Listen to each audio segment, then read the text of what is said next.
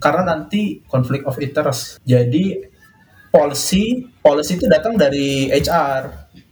Kalau lu ikut serikat atau bahkan jadi pentolan serikat, lu bakal bingung ketika manajemen punya arahan seperti ini, policy nih, update policy buat karyawan, tapi di sisi lain lu serikat. Nah, itu akan bingung.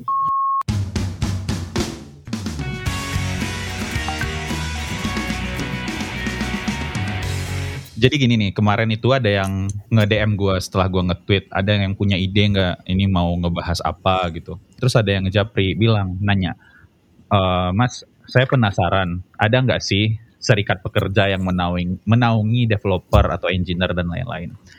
Atau sebenarnya udah ada, tapi saya yang kurang gaul. Haha. Kalau emang nggak ada, apakah sebenarnya kita butuh?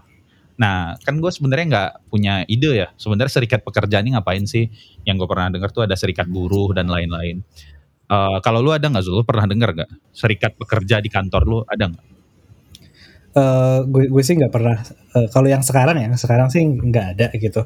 Karena ya anteng-anteng aja gitu. Apalagi yang kantor sebelumnya, uh, itu meskipun uh, pegawainya tuh ribuan, itu gue lihat juga nggak ada gitu sih. Lebih kayak kerja ikhlas gitu tuh jadi jadi jadi kayaknya kayak fun fine fun fine aja happy happy aja gitu fasilitas lengkap gitu.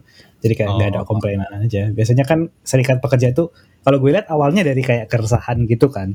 Mungkin dari kebijakan company yang agak aneh gitu gitu oh terus orang berserikat untuk memakzulkan perusahaannya gitu.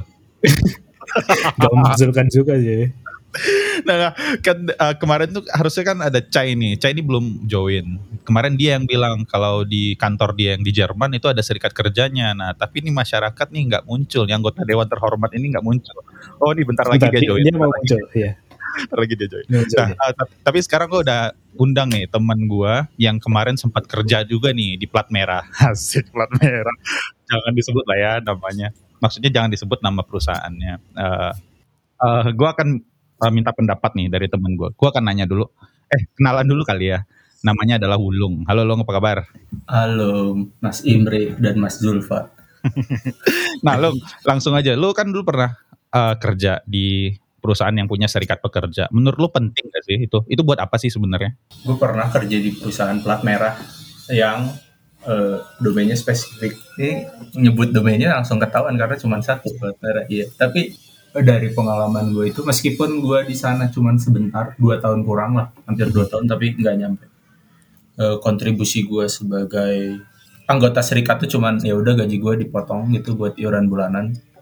Hmm. tapi e, ya gue mengamati sih kalau apalagi kasusnya waktu di perusahaan gue itu e, serikat pekerja keberadaannya e, cukup penting sih. Nah di perusahaan gue itu serikat pekerjanya bahkan ada lebih dari satu Oh. Gue lupa ada berapa in total, tapi harusnya yang inti itu ada tiga. Kenapa ada tiga? Karena jenis pekerjaannya beda-beda. Ada yang mengendarai, yang mengendarai itu punya serikat pekerja sendiri. Terus ada mengendarai ini maksudnya mengendarai alat transportasi gitu. Um, ada yang transportasi.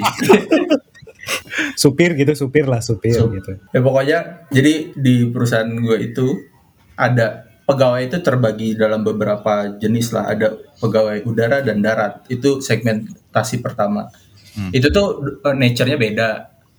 Jadi mereka apa ya punya kepentingan mereka sendiri lah. Darat punya inisinya sendiri, concernnya sendiri. Udara punya concernnya sendiri. Udara, udara ada dua jenis lagi kan. Ada yang di cockpit dan di kabin tuh, yang mengendarai dan yang apa ya gue istilahnya bilangnya? Itulah yang yang nggak ngendarai tapi ikut terbang. Melayani nah itu, melayani. melayani ya ya. Bagian servisnya benar bagian ya, servisnya. Susah banget nah, menyembunyikan nama perusahaan. Ya. yang penting nggak disebut sih karena ya, yang ya. penting nggak boleh disebut sensitif. Nah itu mereka punya serikat masing-masing karena apa ya concern mereka sih beda-beda semuanya. Tapi mereka tuh ngapain sih di serikat pekerja tuh? Lu tadi bayar gaji lu dipotong, terus lu dapat apa gitu? Kalau si ya gaji gue dipotong untuk bayaran bayar iuran keanggotaan. Terus gue yeah. dapat kartu anggota, dapat dapat aksesoris juga nggak ya? Ada jaket sih setahu gue. Ada nah, swag gitu ya? Hmm. Gede nggak potongannya? Nggak sih, cuman beberapa puluh ribu kalau nggak salah. Oh. Iya beberapa puluh ribu lu kali total karyawannya berapa anjir gede juga. Nah, tapi nggak semua karyawan ikut serikat sebenarnya. oh. Jadi gue wajib. di perusahaan itu kan meskipun cuma bentar tapi pernah ada pernah dimutasi itu. Jadi pertama tuh gue masuk di HR ya jadi developer tapi de- departemennya HR terus yang kedua gue je- di departemen IT-nya. Nah kalau di HR kebanyakan malah nggak ikut serikat. Oh, jadi serikatnya ini tuh buat semua pegawai banget atau per profesi gitu? Enggak sebenarnya. Jadi kalau serikat tuh ada tiga lah intinya, yang melayani, yang mengendarai, sama pegawai daratnya nih. Pegawai Iya, iya. darat yang di kantor. Nah, Ya. tapi waktu gue di HR, enggak kebanyakan pegawai di HR tuh malah nggak ikut serikat. Sementara pas di di departemen IT hampir semuanya serikat. Malah kalau nggak serikat aneh. Kenapa? Karena nanti konflik of interest. Jadi policy policy itu datang dari HR. Kalau lu ikut serikat atau bahkan jadi pentolan serikat, lu bakal bingung ketika manajemen punya arahan seperti ini, policy nih, update policy buat karyawan, tapi di sisi lain lu serikat. Nah, itu akan bingung. Oh, menarik ya. Kasihan orang HR kalau ikut serikat, nanti dia ditekan teman-temannya di serikat, tapi dia harus tetap deliver kerjaan dia di iya. departemennya. Nah, makanya orang-orang HR malah nggak ikut serikat biasanya. Oh, gitu. Jadi intinya serikat itu kalau gu- gua ngelihatnya untuk apa ya? Kesejahteraan. Pro- enggak, pro- proteksi. Pertama proteksi kayak apa? Untuk me- melindungi hak-hak kalian gitu. Oh. Hak-hak mereka dan sesuai concernnya ya. Makanya kenapa serikatnya ada beberapa karena concernnya beda. Jadi bisa dilihat sebagai apa ya kalau manajemen tuh government, serikat tuh oposisinya gitu untuk check and balance. Idealnya, Di- idealnya. Eh gue nggak tahu tapi kalau yang case-nya Chai di sana itu serikat untuk apa awalnya? Nah, tuh, mumpung ada Cai nih. Mana Cai? Lu kan kemarin bilang lu ada serikat. Serikat lu ngapain Cai di situ Cai? Iya, jadi ke kantor gue tuh ada serikat gitu. Um, gue nggak tahu sih ini serikatnya emang dari kantornya atau dari negaranya. Soalnya di, di Jerman sini tuh emang kalau perusahaan-perusahaan tuh biasanya ada serikat-serikat serikat-serikat kerjanya gitu. Hmm. Itu kan. Ya biasalah negara sosialis pro pekerja gitu. Jadi ya banyak serikat-serikatnya. Terus kebetulan Hmm. waktu itu kantor mendukung. Ini juga waktu itu dibikinnya baru agak recent juga sih, kayak dibikinnya baru kurang dari setahun yang lalu apa pas lagi tengah-tengah covid gitu. Kayak emang masih baru sih, tapi kayaknya sih kalau dilihat-lihat tuh ber, ya buat check and balance gitu sih bener. Jadi misalkan dari kantor tuh ada policy, terus habis itu dari kitanya tuh kita uh, mau mencoba nge-push maunya gini, maunya gitu. Contoh yang kemarin gue notice tuh adalah um, yang vaksinasi di kantor gitu kan. Kan jadi kalau misalkan kantor-kantor tuh boleh milih, eh gimana ya, boleh memilih untuk menyelenggarakan proses vaksinasi di kantor. Oh, gotong royong ya. Ya gitu-gitulah. Tapi ini program CGR. pemerintah itu. Uh, jadi pemerintah yang dukung, um, terus dieksekusi sama kantor kan. Terus pengetahuan gue itu kemarin um, pas lagi program ini mau dibikin, si serikat pekerja ini bantu mikirin gitu loh kayak sebenarnya karyawannya maunya apa sih gitu. Maunya um, di kantor kah atau terus habis itu kalau kantor apakah berarti harus masuk kantor hari itu atau gimana? Sama waktu itu ada satu sih keputusan yang menurut gue menarik banget. Jadi waktu itu kan uh, sistemnya first come first serve kan. Terus si serikat pekerjanya notice di kantor kan orang-orang jago-jago ya bikin bot ya. Iya, terus? Ya habis dalam waktu sementara. Terus Oh. akhirnya serikat pekerjanya uh, ya berdasarkan komplain dari kita-kita sih. Terus dia ngerombak uh, apa namanya sistemnya jadinya udah kalau gitu kita pakai randomize aja. Jadi kayak orang yang datang terus di pool dulu terus habis itu baru di apa baru di randomize whatever siapa pun yang dapat gitu. Tapi lu bayar iuran nggak? Sama sekali enggak. Oh, di, Kayaknya- dikibulin lu berarti lu suruh bayar iuran. Wah, iya dibohongin, nggak perlu tiduran. Tapi bisa jadi karena soalnya di kantor gue kan kegiatan-kegiatan kayak gini-gini tuh kan baik di support kantor kan. Gue rasa sih pasti dia minta budget dari kantor sih. Nah, yang kayak gitu less likely happen kalau di Indonesia setahu gue. Kalau ad- ada ada ada pembuat ada pembentukan serikat didukung kantor tuh sound strange kalau menurut gue karena kalau di sini ya yang pengalaman gue karena di perusahaan yang sempat gue kerja itu ada satu lagi sebenarnya satu kelompok jenis pekerjaan yang nggak kalah penting eh, teknisi maintenance facilities Hmm. tapi setahu gue mereka nggak pernah punya serikat dan setiap upaya pembuatan serikat selalu gagal. Jadi sebenarnya kantor lebih senang tidak perlu ada serikat. Iya karena nggak ada yang ngekomplain kan. Iya. Iya. Gue setuju sih pada bagian itu. Jadi kalau, em, nah ini ini juga yang awal gue suka bingung sama kantor gue ya. Tapi mungkin gini kali, mungkin kantor gue kan mungkin udah punya revenue at some certain point dan dia doing Yeah. well ya. Jadi Ya beda lah. Perusahaan lu tuh hampir bangkrut ya lo ya. Ya, untuk domain itu kayaknya sekarang di seluruh dunia banyak yang hampir bangkrut. Semangat, tidak semangat, terkecuali, tidak terkecuali perusahaan itu. semangat domain itu. Eh, iya pokoknya jadi kayak kalau misalkan di eh, kantor gue tuh emang banyak banget hal-hal yang dibuat sama kantor yang sebenarnya tuh nggak ada hubungannya sama eh, bisnis gitu loh. Jadi kayak gini-gini tuh kan sebenarnya cuma bikin senang karyawan doang kan, biar karyawan nggak protes. Banyak banget program-program kayak gitu. Kayak misalkan kayak makan siang gratis, terus kayak udah dikasih gratis, rewel lagi maunya yang ini, maunya yang itu. Itu tuh diurusin kantor loh, karena sebenarnya tuh nggak bukan kewajiban kantor kan? Ya, misalkan kayak ya apa namanya outing outing lucu lah apa gitu gitu gitu tuh sebenarnya kan again itu nggak bisnis essential. Gue rasa kantor at a certain point kalau misalkan emang udah cukup profitable sebenarnya yang dipikirin bukan sekedar itu itunya lagi sih. Karena gimana ya eh, yang diberikan sama eh, employee-nya dibandingkan yang dia bayarkan itu tuh udah udah, return on investment banget Oh anjir, beda beda beda.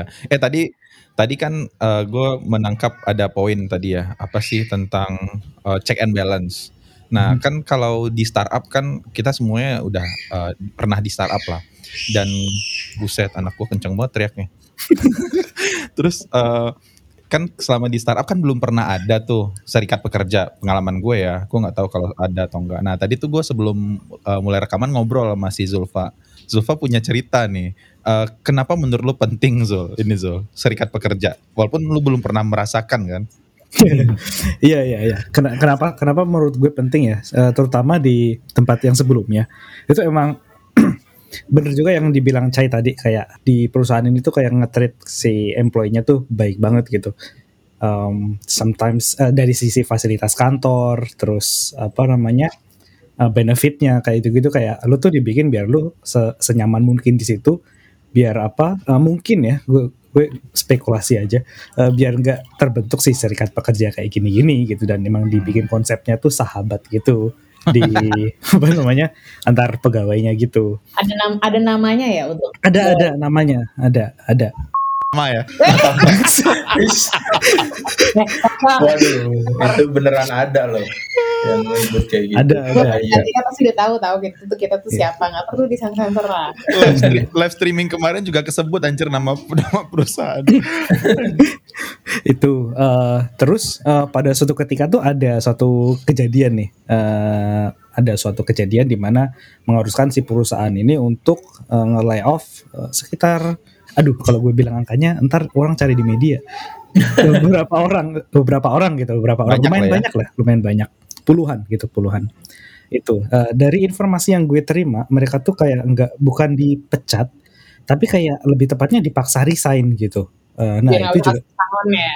Mm-mm, mm-mm. Nah, eh, gimana sih praktisnya seharusnya? Apakah orang-orang yang kena kasus seperti ini gue yakin nggak cuma di kantor itu ya, tapi di tempat lain mungkin ada apalagi kondisi pandemi kayak gini. Eh, itu sih itu harusnya perlu dilindungi dari sisi serikat pekerja atau enggak sih dan kalau meskipun kalau misalkan perlu dilindungi itu tuh dilindungi kayak gimana eh, gitu kayak gimana gitu si serikat pekerja yang provide perlindungannya gitu. sebenarnya untuk orang-orang yang nggak ada masalah sama perusahaannya sih ya udah ya ada dan tidak ada serikat nggak terlalu berpengaruh tapi ketika kayak gini misalnya ada segelintir orang yang merasa diperlakukan nggak fair kalau ada serikat lu bisa apa ya menuntut perusahaan itu balik. Ya for the sake of fairness aja gitu. Dan ada wadahnya gitu loh ada wadahnya. Meskipun yang kena cuman segelintir orang tapi tapi serikat pekerja kan mewakili. Karena ketika ini kena ke orang lain bukan mungkin nggak mungkin kena ke lu gitu kan. Cuman ini nggak jadi masalah until gets you aja gitu nah serikat itu sebenarnya buat itu sih kalau misal ada yang kayak gitu bisa bisa apa ya ada ada power yang cukup sepadan buat eh, Challenge itu ya? ke company-nya. Berarti serikat pekerja itu ada supaya perusahaan tuh tidak semena-mena terhadap lo ya. Karena kan ada beberapa case di mana perusahaan tuh nyuruh lo eh, dia tuh misalkan ya udah nggak suka lah sama lo. Terus yang dilakukan adalah yaudah mereka nyuruh lo resign aja, bukan nge-lay off lo dan kemudian mem- memenuhi kewajiban mereka misalkan kayak ngasih pesangon. Tapi mereka berdalih ya udah deh lu eh, resign aja daripada gua lay off. Padahal sebenarnya alasannya tuh mungkin disuruh kayak gitu karena nggak ada duit. Tapi kalau adanya si serikat pekerja ini, eh, kita bisa ini ya menuntut balik kalau lu gitu, kalau lu kayak gitu ke gue, berarti lu harus memenuhi kewajiban lu juga, misalkan dengan ngasih pesangon. Nah makanya tadi kan di awal gue bilang awalnya ide awalnya orang bikin serikat itu melindungi hak-hak mereka aja. Berarti selama ini kita kerja di startup kita nggak pernah dilindungi dong anjir. Sebenarnya tidak. Karena konsepnya kan keluarga cuy. keluarga Dan individualis juga programmer-programmer kan. Yang penting gue selamat nggak apa-apa. Iya. padahal lo nggak selalu pasti selamat Eh, iya makanya. Ketika kejadian ke orang lain belum tentu nggak akan kejadian sama lu. Iya. Belum tentu gitu. ya. Berarti ke kayak policy performance review yang lucu-lucu kemarin tuh bisa di challenge juga ya sama serikat pekerja harusnya. Bisa bisa banyak hal sesuatu yang menurut pegawai nggak apa ya ya pegawai nggak nggak nggak suka nggak setuju bisa bisa challenge kalau lu punya eh, serikat. Nah serikat ya serikat ini ya paling gampang ya. Meskipun kalau di kasusnya Cai serikat itu tidak tidak selalu soal komplain tapi mungkin mempermudah koordinasi juga butuh serikat. Hmm. tapi yang paling gampang misalnya kebetulan perusahaan tempat gua dulu kerja itu sering banget berkonflik. Di antara tiga jenis serikat itu ada satu serikat yang paling kuat sendiri Karena Bisa. karena arogansi arogansi profesi Bu, nah, tapi kenapa kayak gitu? Nah, sebenarnya kenapa kayak gitu? Karena memang eh, jadi gini, si serikat itu kalau misalnya ada sesuatu yang mereka nggak cocok gitu ya, sama ya concern terus challenge, terus sama perusahaan nggak diakomodir, eh, ancamannya itu gampang, nggak usah demo, eh, mogok aja. logo. Oh, ini gue tahu nih Mogok. serikat yang mana pasti serikat yang bawa-bawa Nah, iya. alat transportasinya ya. ya. Iya, karena kalau mereka mogok, eh, bisnis mati. Maksudnya kalau pegawai kantor mogok sih masih bisa jalan, masih bisa jalan bisnis. Nah makanya kenapa si teknisi dan engineer maintenance itu selalu dibubarkan dan tidak pernah punya serikat. Mereka tuh punya kekuatan yang sama sehingga kalau bisa berserikat. Cuman oh, makanya nggak boleh nggak suka jangan sampai ada kalau ada pusing nanti ada dua serikat yang powernya sama-sama kuat gitu. tapi gue ngomong ini juga nggak tapi pernah nggak kira-kira lo ngeliat ada keadaan di mana si serikatnya ini tuh yang semena-mena gitu kayak mentang-mentang lo berserikat jadi, lo jadi banyak mau gitu menarik. Bisa, iya itu juga terjadi sebenarnya. Tapi Iya, iya. takut gua ngomong gitu. Yang itu ya serikatnya ngebela direktur bukan sih? Jadi seri, serikat kan konsep idealnya harusnya eh, ini ya, ya kepenting- pegawai. kepentingan bersama, kepentingan pegawai gitu, apa pun bidang pekerjaannya. Tapi ya udah sih pada prakteknya di dunia yang serba tidak ideal ini, kadang posisi ketua serikat itu jadi posisi yang politis juga. Wah, gitu. Anjir, gue kebayang nih. Jadi lo jadi ketua serikat, nanti lo bisa ngedapatin sesuatu juga ya sebagai bentuk Iya. timbal balik. Gini deh, Anjir. eh, makanya makanya orang HR udah nggak usah berserikat tuh bukan berarti dulu kita selalu pro manajemen tapi biar apa ya? Iya, Iya. ada konflik of interest kayak Iya, ada konflik of interest. Karena bisa aja kejadian gini, kalau apalagi ketua serikatnya udah eh, lupa diri dan mulai tidak amanah, ya udah ketua gua, gua jadi direksi nih ketua serikat, gua nggak usah ketua serikat beberapa orang pentolan serikat gua panggil, gua kasih jabatan, tapi eh, serikat serikatnya eh, lu ademin lah, gua mau ngeluarin kebijakan ini soalnya gitu. Oh, Jadi Kayaknya gue serikatnya pernah tidak- denger cerita itu di apa ya? banyak di banyak tempat sebenarnya sih. Iya, Cuman iya, iya. kebetulan di tempat gue juga kayaknya ada kejadian kayak gitu. masuk Iya, akal iya, ya. iya, iya. Bukannya sempat Berarti- masuk berita loh. Berarti jad- jadinya ujung-ujungnya ini juga ya, eh, jadi kendaraan politik juga untuk orang ya. Jadi yang ya masyarakat kroco-kroco kayak kita kita lah, ya jadinya ya kayak gini ya gini aja, nggak diperjuangkan juga pada akhirnya. Iya, tapi sebenarnya meskipun kayak gitu, gue pikirnya ya ya itu selalu kejadian eh, at a certain level lah. Tapi kalau nggak ada serikat sama sekali, misalnya oke lah ketua serikatnya eh, terbeli gitu ya.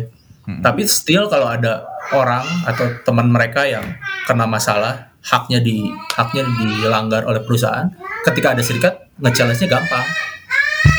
Tapi kalau nggak ada serikat, ya lu nggak bisa sebagai individu nge-challenge company, duit lu habis pasti cuma buat ngurusin perkara hukumnya doang.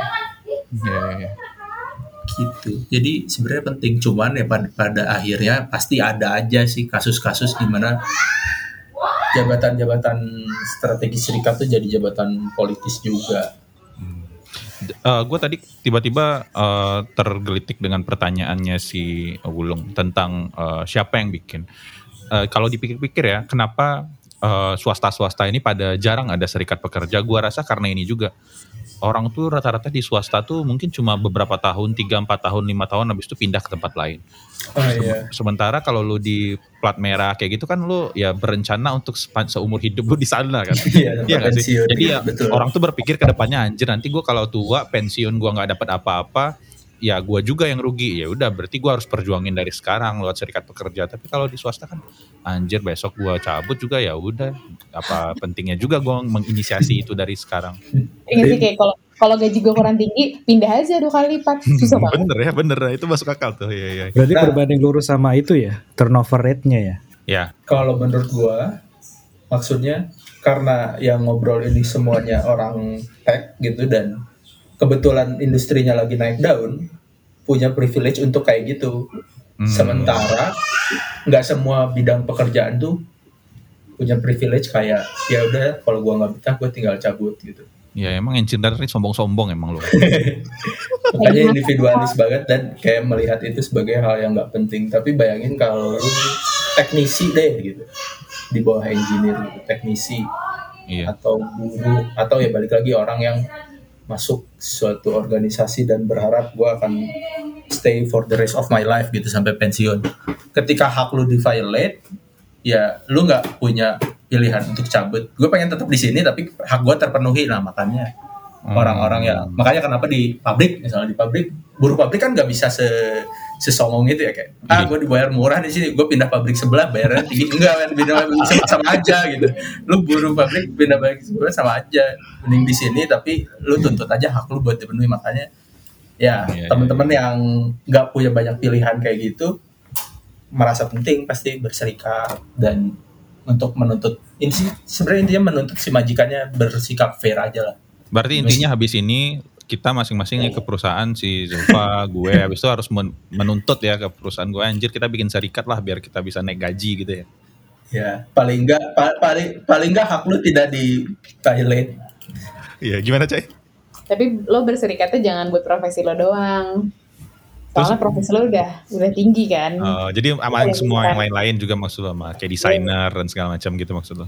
Ya wall designer masih laku juga sih. Tapi maksudnya ya, ya job-job yang kurang laku lah gitu. Tapi kasus yang dipaksa resign itu itu juga sebenarnya harusnya udah bisa jadi trigger gitu gak sih? Kalau misalnya ada satu orang yang vokal gitu, oh hari ini teman kita dipaksa resign gitu. Ini nggak bukan nggak mungkin kejadian sama teman-teman engineer yang lain di masa yang akan datang. Kita harus berserikat. Eh, bisa, bisa itu sebenarnya jadi trigger sebenarnya ya. Iya, iya, iya. Zul, harusnya lu dulu jadi triggernya Zul, lu bikin serikat kerja langsung. Soalnya gue nggak kena waktu itu. Oportunis. Beruntungnya gue nggak kena gitu. Tapi at least kita kita perlu sih bikin apa namanya si serikat pekerja ini sebelum kita kena somasi gara-gara bikin podcast ini soalnya.